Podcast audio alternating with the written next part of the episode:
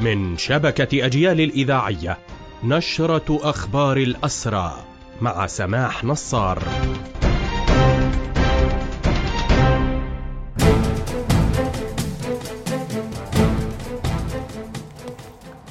أهلا ومرحبا بكم إلى هذا اللقاء. حملة اعتقالات واسعة شنها الاحتلال اليوم في المحافظات الفلسطينية في الضفة وطالت على الأقل 40 مواطنا بينهم 16 من مخيم الفوار في الخليل. وقد أفيد بأن الاعتقالات الباقية توزعت على طول كرم ومخيم جنين وقلقيلية وأريحة وبيت لحم ونابلس وكذلك القدس العاصمة في هذا الإطار أفاد نادي الأسير أن حملات الاعتقال على مدار الأيام الثلاثة الماضية طالت على الأقل 120 مواطنا من عدة محافظات وتشمل أطفالا ونساء وكبار في السن. وكذلك أشار المصدر إلى أنه منذ مطلع العام الجاري بلغت حالات الاعتقال أكثر من خمسة ألاف.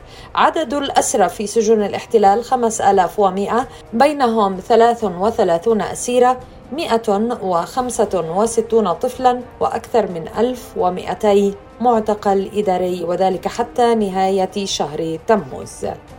نواصل في أخبار هذه النشرة. علق الأسير زاهر حماد وهو من سلواد في رام الله إضرابه عن الطعام الذي استمر لأربعة أيام للمطالبة بلقاء نجله الأسير محمد القابع في سجن عوفر.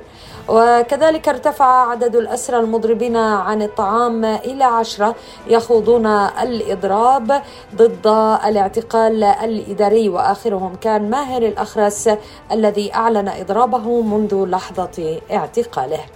نواصل في أخبار نشرتنا لهذا المساء ومتابعة لقضية الأسير أحمد مناصره المحامي خالد زبارقه أكد أن جهودا قانونية مستمرة تبذل من قبل الطاقم القانوني في قضيته وتحديدا فيما يتعلق بعزله الانفرادي. الأسير مناصره يواجه تفاقما خطيرا في وضعه الصحي والنفسي وقد حمل المحامي إدارة سجون الاحتلال المسؤولية الكاملة عن مصيره. بهذا مستمعينا تنتهي هذه النشرة الخاصة بأخبار الحركة الأسيرة قدمناها لحضراتكم من راديو أجيال. تحية الحرية لأسر الحرية وتحياتي سماح نصار.